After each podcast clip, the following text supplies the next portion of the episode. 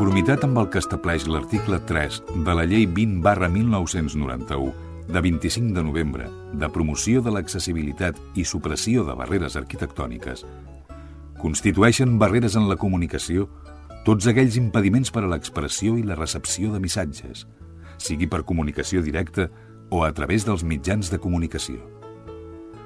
És per això que, emparant-nos en aquesta llei, volem que cada ciutadà gaudeixi del seu propi espai per moure's. Un espai sense censura. Un espai en què vosaltres sigueu els protagonistes. En definitiva, un espai per tothom.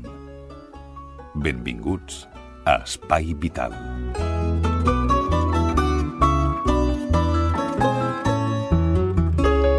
Senyores, senyors, benvinguts, ben trobats a tots, un dia més, a un programa més que es diu Espai Vital, que està dedicat a persones amb discapacitat i a les malalties cròniques. I a tu, si vols, també. I pots participar a través de la nostra web o blog de l'Espai Vital, eh, on, on teniu un correu on us podeu dirigir a nosaltres. L'adreça del blog és les 3 w radio-espai-vital.blogspot.com molt bé, comencem com sempre donant la benvinguda als nostres companys d'equip. Comencem amb la Teresa Diviu, ella és la nostra cuinera adaptada. Teresa, què tal? Bon Bé, dia. bon dia a tothom. Què tindrem avui? Avui, pues, cues de peix o de rap fetes amb pèsols i amb una salseta. Ui, no us ho perdeu, ja comença a venir-me aquella flaire de peix Ah, a la no. cassola. Mm? Ha de ser bo. Ha de ser bo, eh? Que si diu no ha de ser bo, no. Serà bo, serà tant, bo. que havia menjat jo quan era jove. Ara no en puc menjar. Bueno, però, Feta amb panses i, i pinyons. però engeladons al programa perquè ens la fem nosaltres. Ah, que, eh? que us diguin la setmana passada com va anar la sorpresa que els hi vaig portar. Boníssima. Ens vam menjar una truita de patata Estava que ens va bona, portar, que estava estava boníssima. Ara, hem de donar-li el mèrit també al marit de la Ai, que el Teresa, marit, marit. eh, que, que Això va ficar-hi tot el carinyo. Que és bo, soc bona directora. Jo crec que sí, Teresa. Ara, el que m'escolta, que, que, que ho escolti bé i que ho faci. Molt- Perquè jo ho faig en tot cor, aquestes coses. Molt bé, a la meva dreta tinc el nostre cercador, l'Alfredo Alfredo Ángel Cano Toledo, que avui ens porta tres notícies força interessants, que ja sabreu. Si no ens perdeu d'oïda, les escoltareu. Tenim el Jordi Puy, els controls tècnics i, un servidor, qui us parla. Fins d'aquí uns 50 minuts aproximadament, Xavi Casas.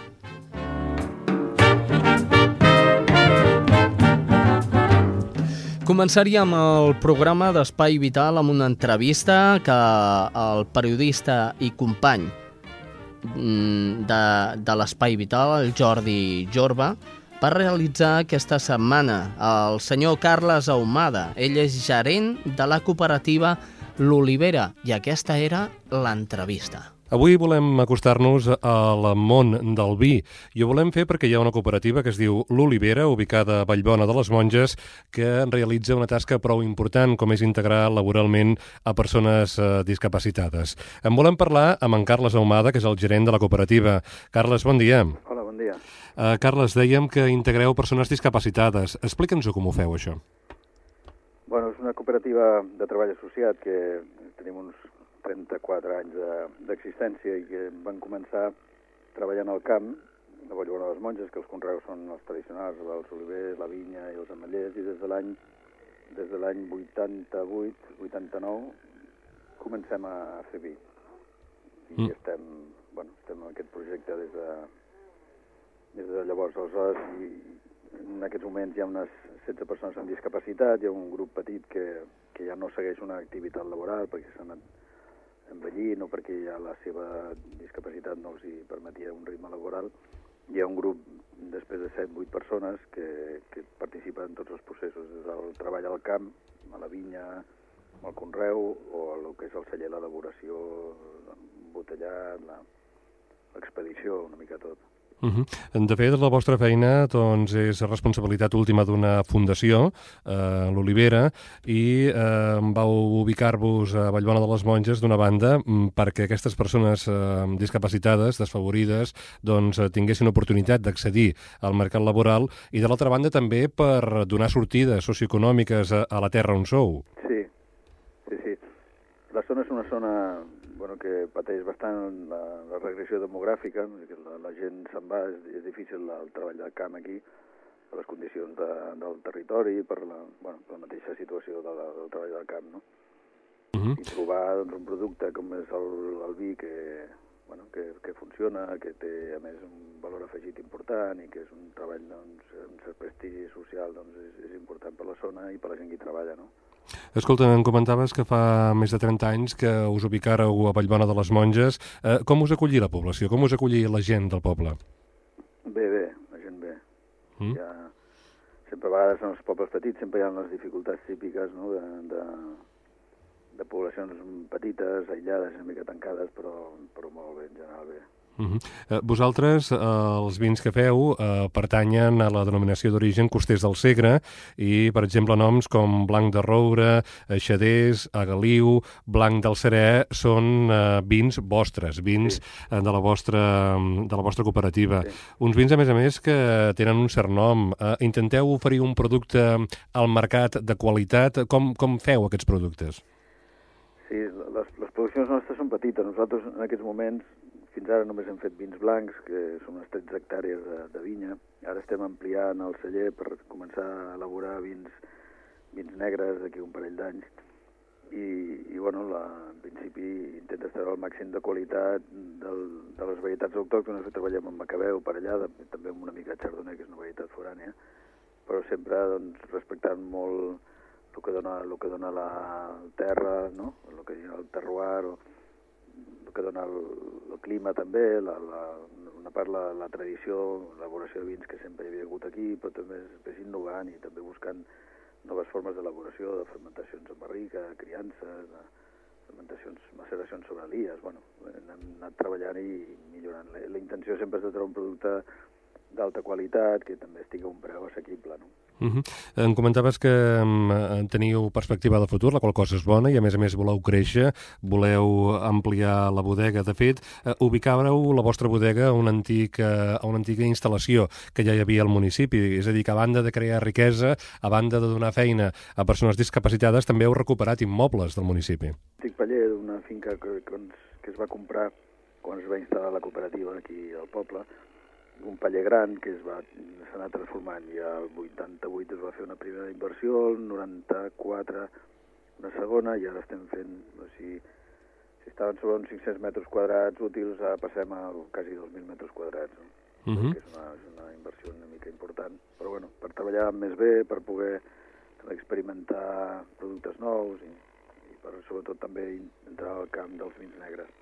Hem de dir a la gent que ens escolti que la cooperativa L'Olivera, a banda de vendre vi, també ven eh, oli, oli d'oliva, i ven olives arbequines. Vull dir que, que no us penséssiu pas. I alguna cosa més? Tenim un molí, no, no, tenim un molí des de fa uns 4 anys, 5 anys, i ens fem també l'oli. Unes 20 hectàrees d'oliveres i ens fem l'oli des de fa aquests anys. Déu-n'hi-do, hauran de venir a tastar-ho, eh? Sí, sí, i de visita, que és molt bonic. Eh, veure-ho.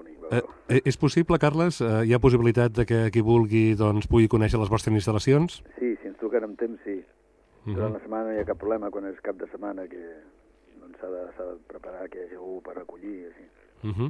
uh, Carles Ahumada, estem parlant amb ell, és el gerent de la cooperativa L'Olivera de Vallbona de les Monges, una institució uh, del nostre país que integra persones discapacitades. Uh, ens comentaves doncs, que teniu projectes de futur, projectes uh, per aquest any.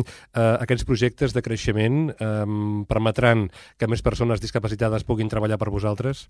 Sí, en principi el projecte contempla, era un projecte de 3 anys que havíem fet, fent el primer any, la possibilitat de donar llocs de, uns 7 llocs de treball més per persones amb dificultat d'inserció.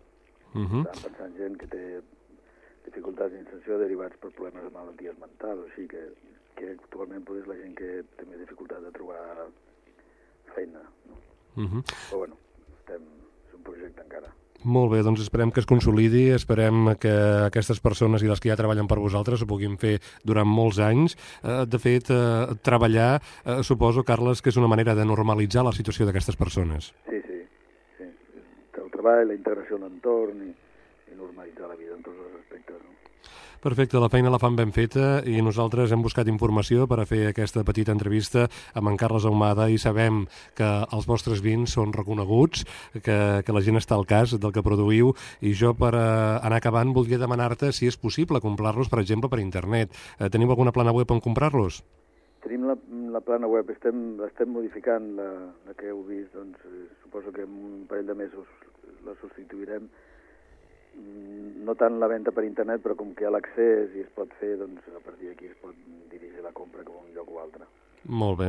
Doncs estarem al cas i a veure si podem tastar aquest vi que feu des de les Terres de Lleida, des de Vallbona de les Monges, amb participació de persones diverses com ho és la societat. Carles Omada, gerent de la cooperativa L'Olivera, t'agraïm l'atenció amb Espai Vital i molts èxits per aquest any. També gràcies a vosaltres. Adéu-siau. Bon dia. Estàs escoltant Espai Vital.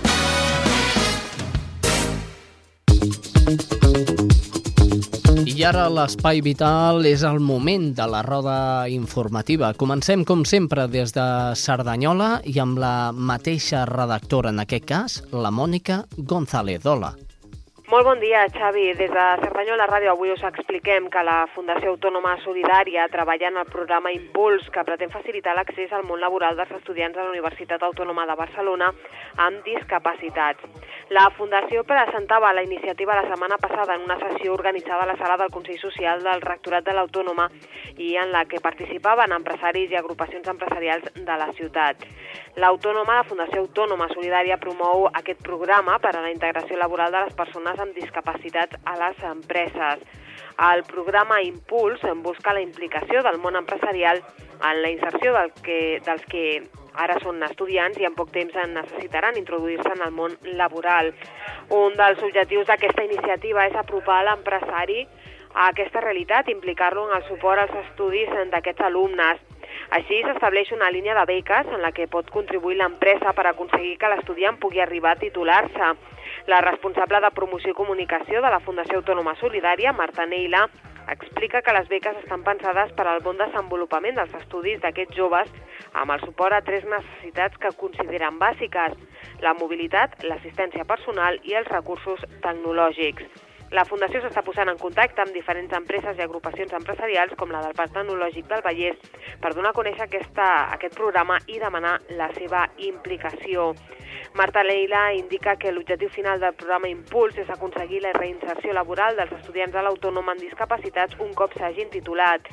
La Fundació d'aquesta manera actuaria com a intermediari entre les empreses i els ja llicenciats o diplomats. I això és tot des de Cerdanyola Ràdio. Us ha parlat Mònica González. Gràcies, Mònica. Cerdanyola. Anem a Ripollet. La Laia Prats és l'encarregada aquest cop de passar-nos la crònica. Hola, Xavi. Avui des de Ripollet t'expliquem que ja s'ha iniciat el període d'inscripcions per la gent activa. Es tracta d'un programa organitzat per la Regidoria de Serveis Socials per a totes aquelles persones majors de 65 anys que encara se senten actives i amb ganes de fer coses. El proper dia 10 de març començarà la primera de les activitats amb un taller de memòria que es realitzarà al Casal d'Avis tots els dimarts fins al mes de maig d'11 a 12 del migdia. Les places són limitades a 15 persones per taller. D'altra banda, dijous 12 de març també començarà un altre taller de memòria al Centre Cívic Can Mas. L'horari serà el mateix i les sessions s'allargaran fins al mes de maig i també comptarà amb 15 places. També s'ha programat un taller de country tots els dimecres dels mesos de març, abril i maig, de 5 a 6 de la tarda al Casal d'Avis. El nombre de places per a aquest curs és de 25 participants. Una altra de les activitats programades és un taller d'iniciació a internet els dilluns de 5 a 6 al Casal d'Avis amb 6 places. Per poder participar a totes aquestes activitats cal inscripció prèvia al Departament de Serveis Socials al carrer de la Salut número 1. I això és tot des de Ripollet fins la setmana vinent. Gràcies, Laia, Ripollet Ràdio, i anem ràpidament cap a Barberà. Avui no és la Núria Cabrera, avui és ell, és l'Ernesto Hernández. Hola, Xavi. Des de Barberà, avui us expliquem que a principis de febrer es va aprovar per Junta de Govern Local el conveni de col·laboració per la realització de l'encàrrec de prestació de serveis de protecció de la salut. Entre l'Agència de la Protecció de la Salut i el Consistori Barberenc per aquest any 2009.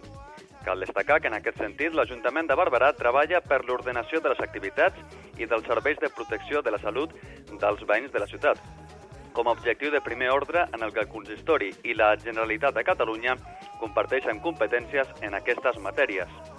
Per la seva banda, l'Agència de Protecció de la Salut té l'objectiu d'integrar tots els serveis i les activitats referits a la protecció de la salut que són competència de la Generalitat, coordinar-los amb la resta d'organismes amb la finalitat de protegir la població dels factors ambientals i alimentaris que poden produir un efecte negatiu en la salut de les persones. Des de Barberà és tot. Molt bé, gràcies Carles Ahumada des de Ràdio Barberà. Anem a l'altra punta del Vallès Occidental i eh, ens posem en contacte amb Montcada d'una punta a una altra. Sílvia Díaz, hola. Hola, salutacions des de Montcada, l'Espai Vital. Avui parlarem d'habitatge. I és que el ple de febrer, fet el dia 28, va aprovar el reglament que regularà la concessió d'habitatge dotacional públic. De què estem parlant? Es tracta de pisos que es concedeixen temporalment a col·lectius específics, com poden ser els joves, la gent gran o els discapacitats. En alguns casos també es pot concedir l'ús de places d'aparcament i trasters vinculats o no als pisos. El Servei d'Habitatge Dotacional pretén atendre les necessitats temporals d'habitatge de la gent jove, per exemple, per tal de contribuir a la seva emancipació i fomentar l'estalvi, atendre les necessitats de gent gran o bé de les persones discapacitades o amb problemes de mobilitat, ja que aquestes vivendes s'acostumen a estar habilitades per a aquest col·lectiu i, a més, s'ubiquen normalment en plantes baixes.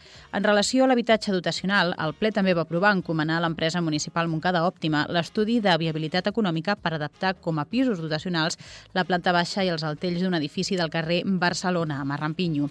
Actualment s'està enllestint una altra promoció d'habitatge d'aquest tipus a la plaça Joan Fuster, en aquest cas al barri del Pla d'Encoll i en un futur se'n faran més a la Ribera i també a Campomada. Doncs bé, fins aquí la crònica d'avui des de Montcada. Fins la setmana vinent. Fins la setmana vinent serà quan tornarem a parlar amb vosaltres en Montcada. Gràcies, Sílvia. Anem cap a Santa Perpètua. Allà l'encarregada és l'Estrella Núñez. Hola, Xavi. Hola, amics i amigues de l'Espai Vital. Fa temps que us vam explicar que l'Ajuntament de Santa Perpètua havia dissenyat un eix lliure de barreres arquitectòniques que enllaçaria els pisos de lloguer per a la gent gran, que encara no s'han estrenat, amb el casal de la gent gran, que està situat a la plaça de Miquel Martí Pol. Aquest eix inclou guanyar per a la ciutadania un nou espai d'esbarjo i d'interrelació, la plaça de Can Folguera, que actualment és més una zona d'estacionament. Doncs bé, ja han començat les obres d'urbanització de la plaça de Can Folguera. Els treballs treballs en la seva primera fase s'han iniciat en la zona més propera als nous pisos de la gent gran. En aquest sector s'ubicarà una zona de jocs per a infants, zones verdes, per terres i la urbanització d'una plaça dura entre les avingudes de Barcelona i de Jacint Verdaguer. La segona fase d'aquest projecte permetrà la urbanització de la plaça, que serà de prioritat per a vianants, on s'habilitarà un vial de servei per emergències, manteniment o càrrega i descàrrega que també s'aprofitarà com a carril bici. L'actuació també inclou la plantació d'arbres, la instal·lació de bancs i una zona d'esports per a jugar a bàsquet i a tenis de taula. Durant la primera fase dels treballs, l'accés de vehicles a la plaça de Can Folguera estarà permès, segons ha informat la Regidoria d'Urbanisme i Planificació. La Unió Temporal d'Empreses Codes Gixa s'encarregarà d'executar les obres per un preu de més de 954.000 euros. L'actuació forma part del programa de millora subvencionat per la Llei de Barris. Les obres d'urbanització de la plaça de Can Folguera, que es van adjudicar per un import de més de 950.000 euros ja han començat. La previsió és que els treballs finalitzin el mes de novembre. Això és tot des de Santa Perpètua. Fins la setmana vinent, Xavi. Estàs escoltant Espai Vital.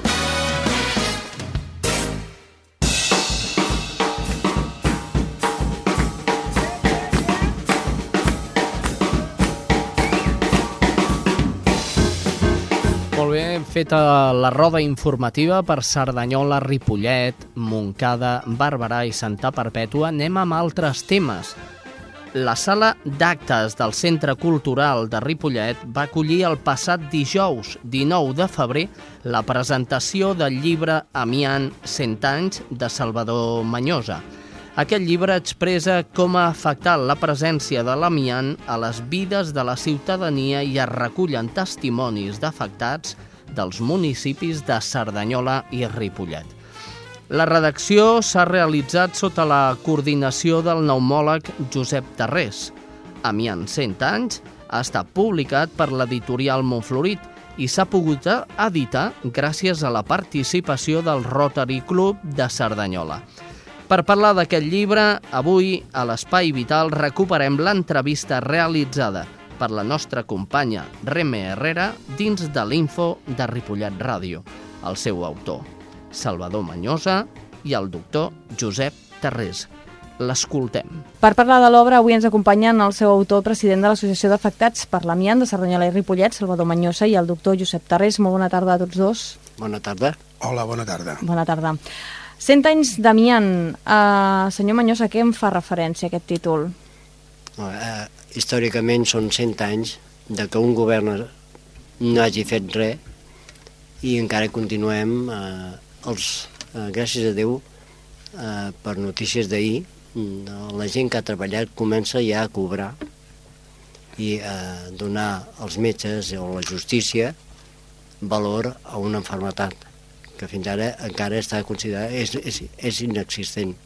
I aquí hi ha la lluita pels eh, ambientals que no està reconegut ni per la justícia, ni per la classe metge, etc etc. Uh -huh. Vostè com a afectat està en lluita, podríem dir. I tant, fins que em mori. Home, això no s'ha de dir. Pues sí, perquè un dia o altre deixaré d'existir de, físicament. Pel meu ofici, possiblement no. A què consisteix la seva lluita? Uh, posar en evidència a un estat, sobretot uh, aquest estat espanyol, que es considera que estem a dintre de la comunitat econòmica europea, etc, i estem a l'Àfrica, estem despullats. Uh, estic demanant justícia per la gent que jo no puc dir, però sí el doctor Terrés, que ha mort, que ha patit, que pateix i que patirà una malaltia no volguda, no desitjada per ningú, i el govern hi fa orelles sordes des de fa 102 o 103 anys. Uh -huh. Què en trobem en aquest llibre, 100 anys? La història d'un poble o la vivència d'unes eh, famílies de gent en forma de cuento, en forma de vida viscuda, dolguda, de la mort del pare, de la mare, del germà o la germana, i hi trobes de tot. I una llista molt important, els morts, eh, obtinguda aquesta llista pels doctors i la seva tasca com a metge, com a pneumòleg, i ha volgut posar el nom de Pepito, Sotano, Mangano, etc etc fins a 160 o una cosa així, ja no recordo el nom, el número. Uh -huh.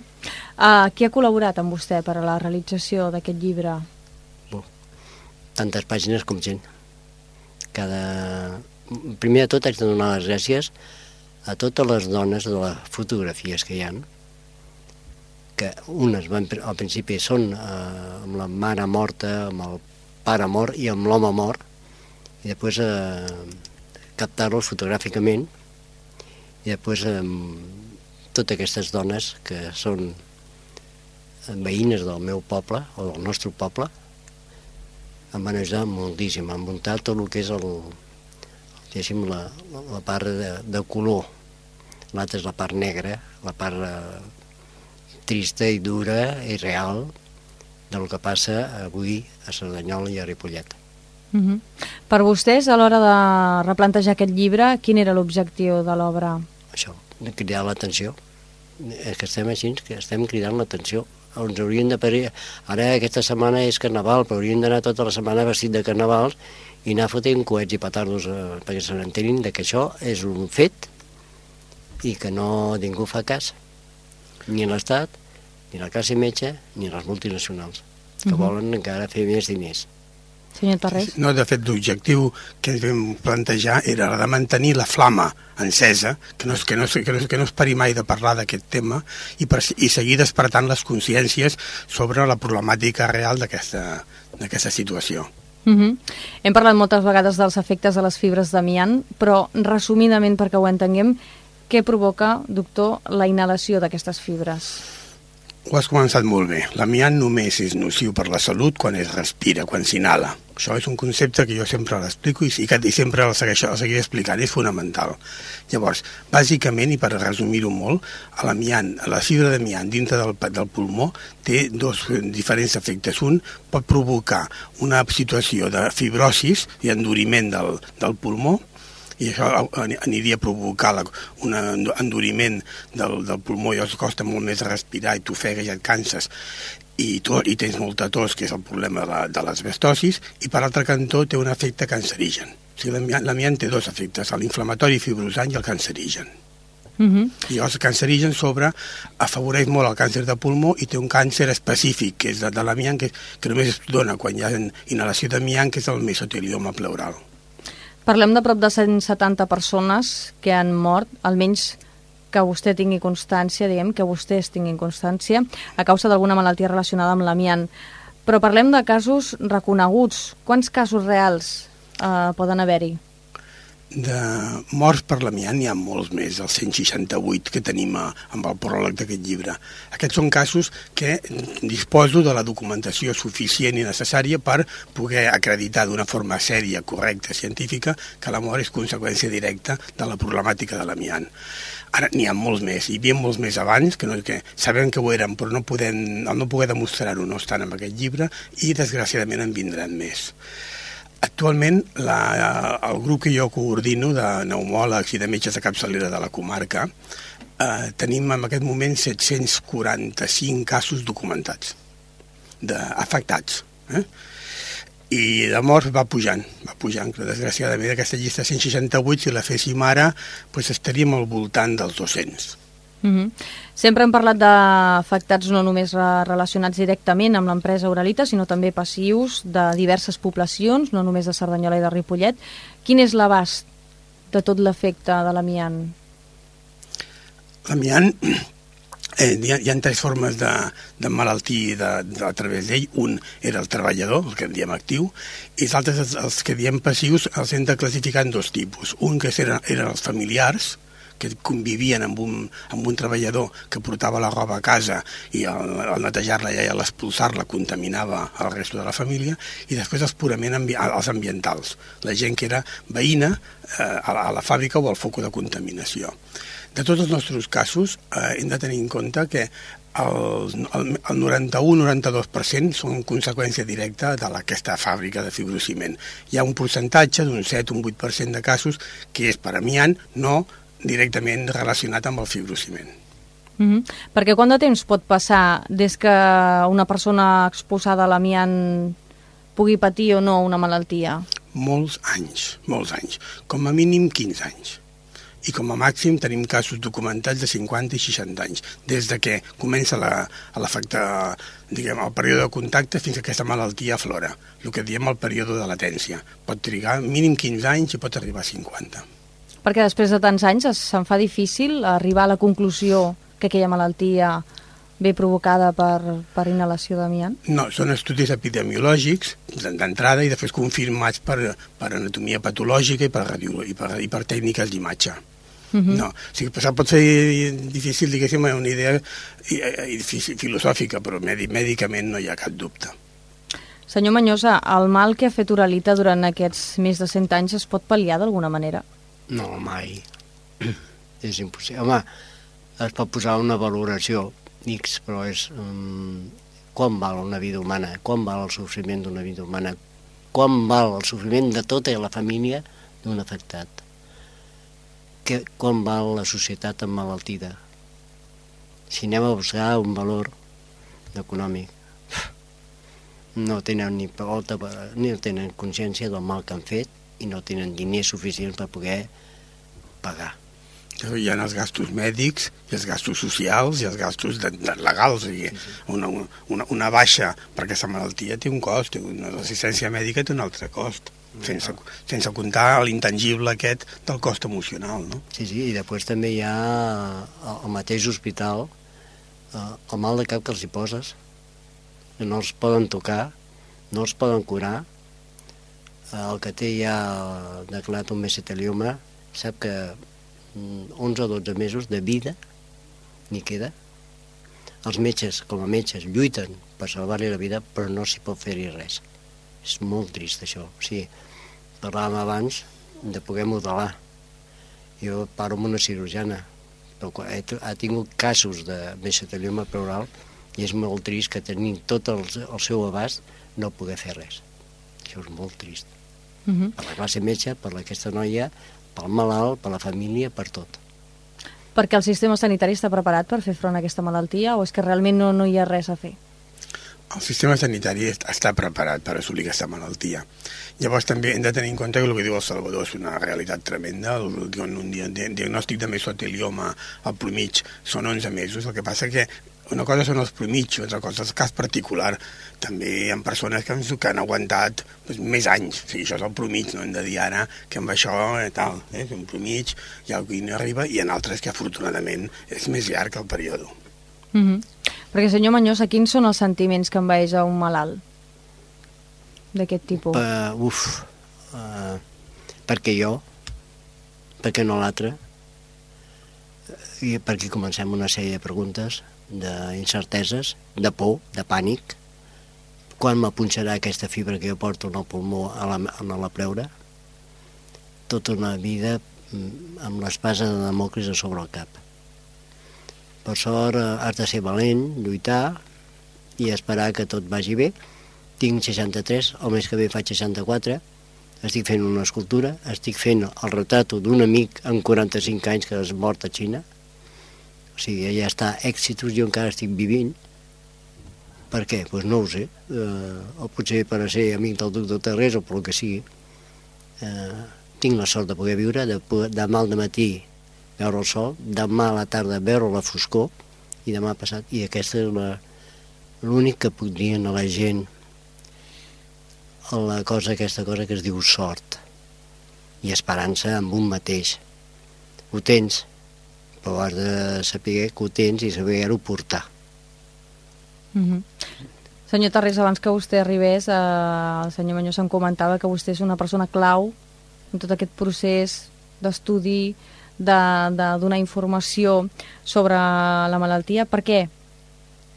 Per què vostè explicaria Doncs aquesta perquè frase? Fa 37 anys, més o menys, que em dedico a temporades més grans, temporades menys, a l'estudi i, al- seguiment d'aquesta patologia pròpia d'aquí, específica. És una malaltia que fora de, no, els mateixos pneumòlegs, fora de determinats, molt concrets àmbits d'Europa, de, de, pues pràcticament no la coneixen. És una malaltia infreqüentíssima, si no fos perquè hi ha un foc contaminant important. A mi em va, em va tocar.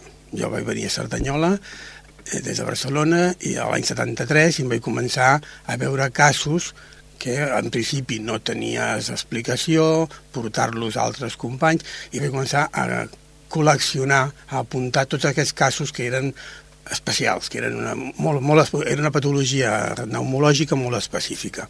I des de llavors m'he interessat, he coordinat, he aconseguit ara que coordino un grup molt de, de, de, de 10 metges de diferents àmbits. Ara, darrerament, i referent a el que comentava el Salvador, ens han donat un premi per, eh, per un estudi d'enfermeria, per estudiar els efectes psicològics i, i, i d'acompanyament d'aquest tipus de malalts per lluitar contra aquesta vessant d'afectació psicològica. És un, un altre aspecte d'aquest interès ja polièdric que anem tenint tant social com mèdic, com artístic, com eh, que, que anem presentant. M'hi he trobat com el Salvador. Jo no, jo no l'he buscat a la mia, la mia m'ha trobat a mi. I a mi també. Jo em va trobar a l'habitació del quarto del mig, ara fa 63 anys, n'estic segur.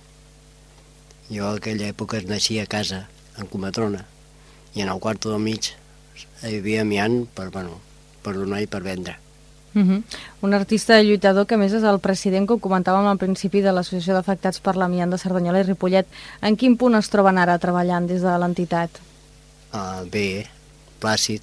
Uh, estem, aviam, seguim treballant, seguim uh, informant, sobretot informar. Aquesta gent que està espantada, és veritat, tothom està espantat, encara que em vegi a mi tranquil, hi ha moments que tinc por, però sobretot ajudar.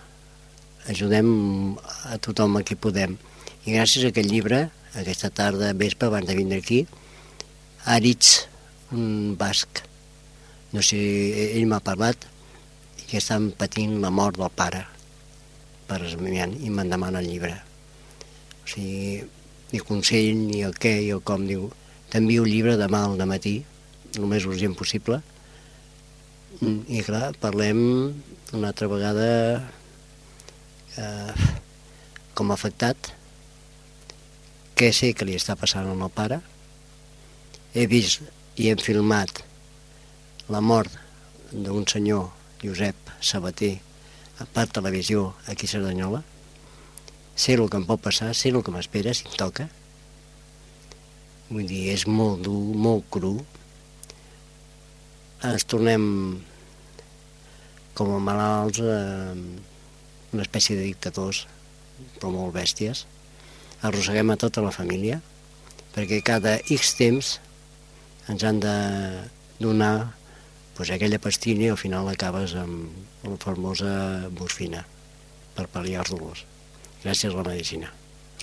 A mi en 100 anys ja ho saben que és aquest llibre eh, impulsat per Salvador Manyosa que ens ha acompanyat aquesta tarda a l'info d'avui.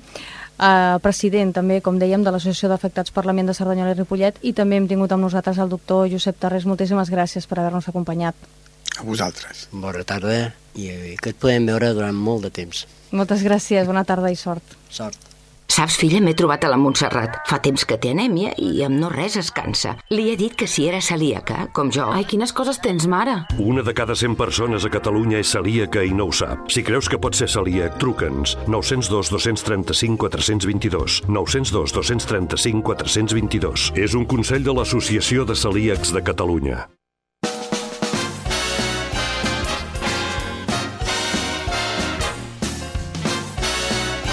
Espai Vital, el primer programa adaptat de les zones.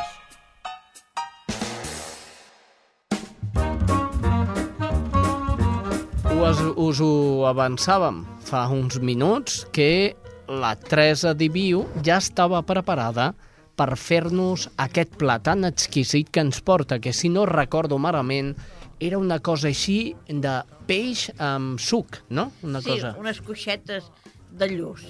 Coixetes? Bueno, coixetes, cues. Cues. Eh, anava a dir, cony, no, no he vist mai un peix amb potes, però bé, bé, bé. Bueno, cues. Cues, cues, cues de lluç. Eh?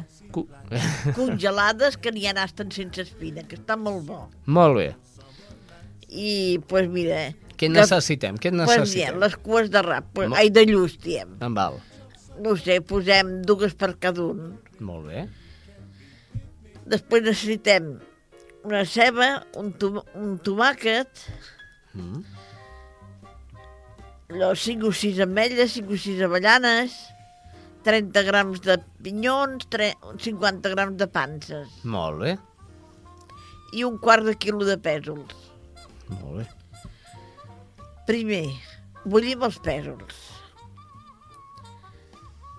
Enfarinem les cuetes de peix. Les enfarinem i les fregim. Les apartem en un plat. Allà aquell, aquell oli i fregim la ceba, el tomàquet, Tot talladet, no? La Sí, ceba ceba talladeta, ratllada. esmicoladeta... la ceba ratllada, Mhm. el tomàquet ratllat Sí, i ho fregim. molt bé. com hagin fregit això, també allò amb una miqueta... No, no cal posar-hi sal, perquè ja us donaré una altra cosa. En el suc dels pèsols Sí. sí. el guardeu en un pot del mini pimer. Molt bé. Allà en el pot del mini pimer hi poseu sis ametlles i sis avellanes. I un carquinyoli. Un carquinyoli? Sí. sí jo no en venen d'això. Això, doncs pues mira, al puesto que venen pastes a la plaça, Mm. Pues allà demanes carquinyolis i en venen. Ui, això, el carquinyoli, és aquella, aquell tros de galeta gorda que, a, a Sí. Camprodon, no? No, bueno, n'hi ha Set a, a Cases, Creu, Camprodon, a aquí, Creus. A, a, Carqui, a, vull dir, A, Carqui, a Carqui Creus. Carquinyolis, el poble No, Carquinyolis no. d'aquí al costat. no, és a Cardedeu. Ripoll. A Cardedeu. A Cardedeu, Cardedeu, carquinyolis de Cardedeu. Bé, per això, Sí. per això si no tenim No, carquinyolis, no, a la plaça en venen, eh? eh, si, no, si no en trobéssim... Pues fregir pa. Ah, fregir pa, molt bé. Però jo ho dic perquè és el com s'estilava abans, doncs quedava més bo. Molt bé, molt bé. Bueno, doncs coleu aquell suc dels dels pèsols, ho poseu un pot del mini pimer i allà poseu sis ametllanes, sis avellanes, Sí. el carquinyoli, sal, Mm. i en quant d'aquells tacos que hi ha els congelats d'all i julivert, n'hi poseu una miqueta allà dintre. Ah, també. molt bé. Un taco sencer o...? No, n'hi poseu una miqueta. Ah, una miqueta, una sí, miqueta. Va. allò que es Mm. van guardar, traieu una miqueta i quan el guardeu ja per una altra vegada. Si no recordo malament, aquests eh, tacos congelats ja taquets, eh? Sí, sí, No, sí. no és un tacazo gran, No, no, no, no són perquè- taquets petits Bueno, que, que podeu li poseu, utilitzar. Bueno, poseu el que vulgueu. Mhm. I en quan agafeu la mà del mini pimer i ho trinxeu. Tot ben trinxat. Tot ben trinxat. Com que el sofregitet ja estarà fet, ja ho podeu tirar allà dintre, que vagi fent una miqueta el xutxu. Mhm. Agafeu els pesos que estan ac- acolats i els poseu un, una cassoleta i poseu també el peix que està fregidet allà sobre. I poseu també uns granets de pinyons. Ah, I panses de corinto també allà dintre. ah.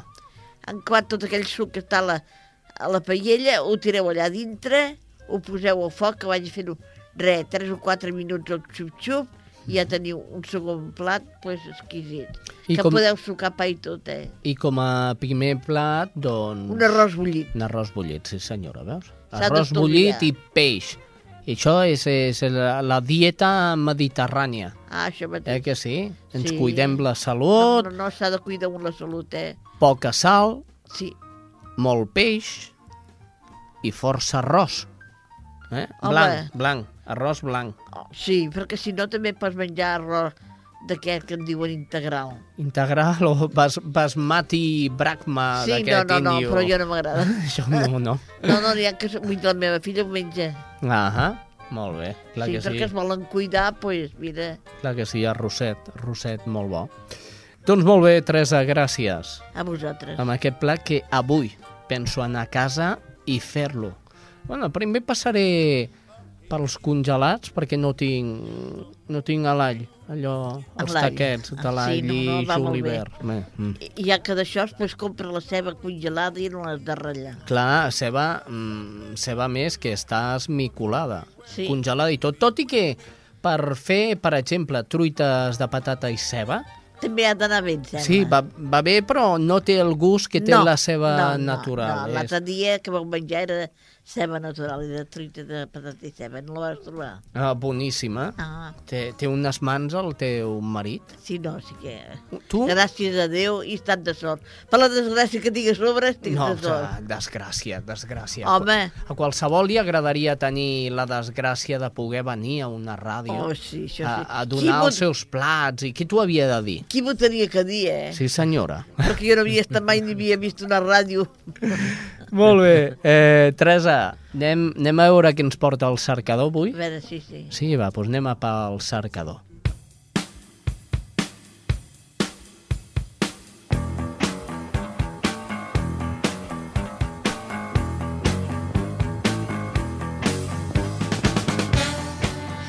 Dintre del cercador, les notícies que ens ha trobat dintre del web, del blog, com vosaltres vulgueu, eh, d'Espai Vital, que són les 3 W, radio-espai-vital.blogspot.com eh, do, i que a part, us ho haig de dir que ja teniu penjats tots els programes que estem fent aquí a la ràdio.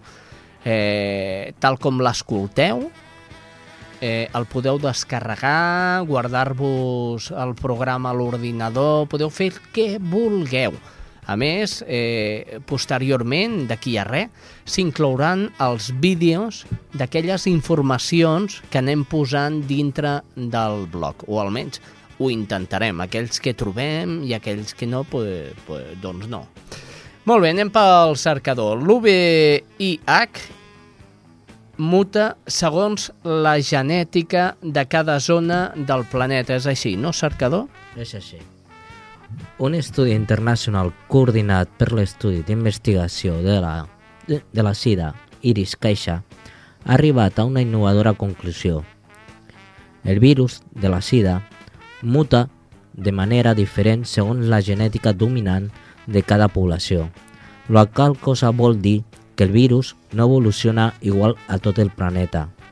És un descobriment important, ja que segons els experts podria explicar les dificultats que s'estan tenint per trobar una vacuna eficaç contra la malaltia. Amb aquesta nova dada, els científics podran començar a treballar en diferents vacunes adaptades a les necessitats de cada regió. L'Hospital de Bellvitge commemora el seu 25è aniversari del primer trasplantament de fetge, no el seu 25è aniversari, perquè en té més, però sí 25 anys del seu primer trasplantament de fetge, cercador. L'Hospital de Bellvitge ha commemorat el 25 aniversari del primer trasplantament de fetge, que es va realitzar en aquest centre sanitari i per primera vegada a Espanya. Metges del centre han recordat durant aquesta setmana aquella operació, a la hora que han assegurat que des de llavors han seguit treballant per l'èxit del trasplantament de fetge. I dolent, dolent pel fetge, dolent pels pulmons és el tabac i és per això que el percentatge d'addictes al tabac s'ha estancat en el 24%. Jo diria que mm, no és que sigui una notícia excel·lent, però escolteu, millor aquesta que no que sigui un 50%. L'entrada en vigor de la llei antitabac va suposar una baixada important del nombre, del nombre de fumadors, de prop del 10%. Després d'un primer impacte, però, els beneficis s'han estancat i des de l'any 2006 el percentatge d'addictes al tabac es manté estable, en un 24%. Són dades incloses en un informe elaborat pel Comitè Nacional per la Prevenció del Tabaquisme. Molt bé, i des de l'Espai Vital donem força a la consellera de Salut, Marina Geli, perquè faci efectiu eh, el, la prohibició total, absoluta, a tots els establiments públics on hi puguin haver mm, persones grans o nanos, eh, doncs que faci efectiu el, la prohibició de fumar a tots els establiments públics, no que siguin més grans o petits, a tots, que no I es el pugui que hi ha menjat fumar. encara més. I el que hi ha menjat, sí senyora, encara més, perquè el menjar es torna d'un color groguet, eh? No, i que No? menges i, i, i trobes aquell fumador de fum. Vaja, jo no m'agrada que fumin al carrer. Jo crec, Teresa, que ni a tu, ni al cercador, ni a mi mateix, ni a ningú. Teresa, No, no. hem arribat al final, gràcies. A vosaltres. Vinga, la setmana vinent... I tornarem. Alguna coseta més, ja ho tens pensat o no? No, no, encara no. Hi ha vegades que sí, però es veu que el- les, les meves neurones aquesta setmana no estan bé. Ai, les neurones de la Teresa. En té dos i barallades. Això. Eh? S'esbarallen. Cercador, gràcies també, tu. Gràcies a tu, Xavi. Eh, fins la setmana vinent. Fins la setmana vinent. I el nostre tècnic, el Jordi Puy, com sempre, excel·lent el treball. Gràcies, Jordi Puy, i, i un servidor que s'acomiada de tots vostès. Gràcies per haver-nos aguantat una setmana més. La que ve, hi tornem.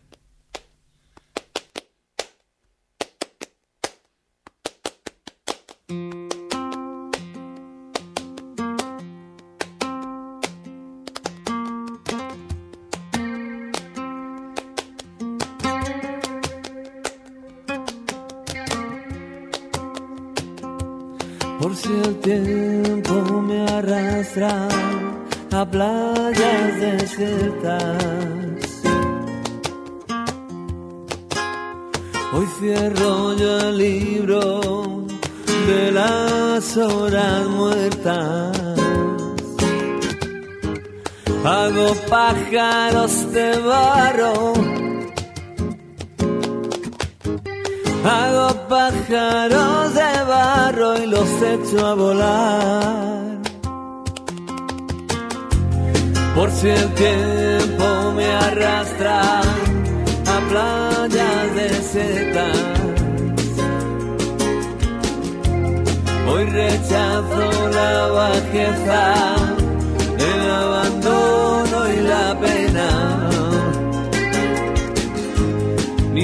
página en blanco más. Siento el asombro de un transeúnte solitario. En los mapas me pierdo, por sus hojas navego. Ahora sopla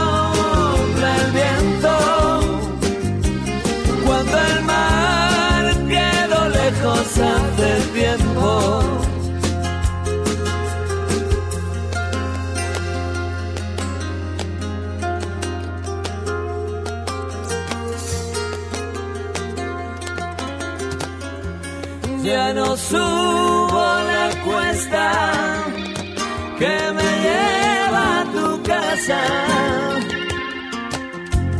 Ya no duerme mi perro junto a tu candela.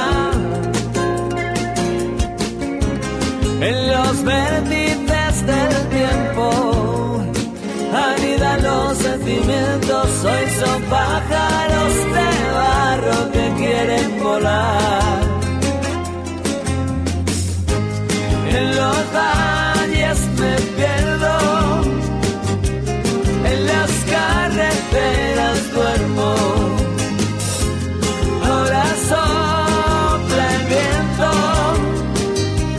cuando el mar quedó lejos hace tiempo.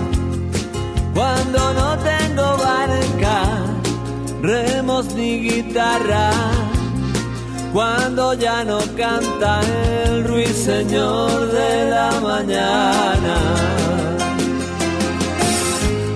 Ahora sopla el viento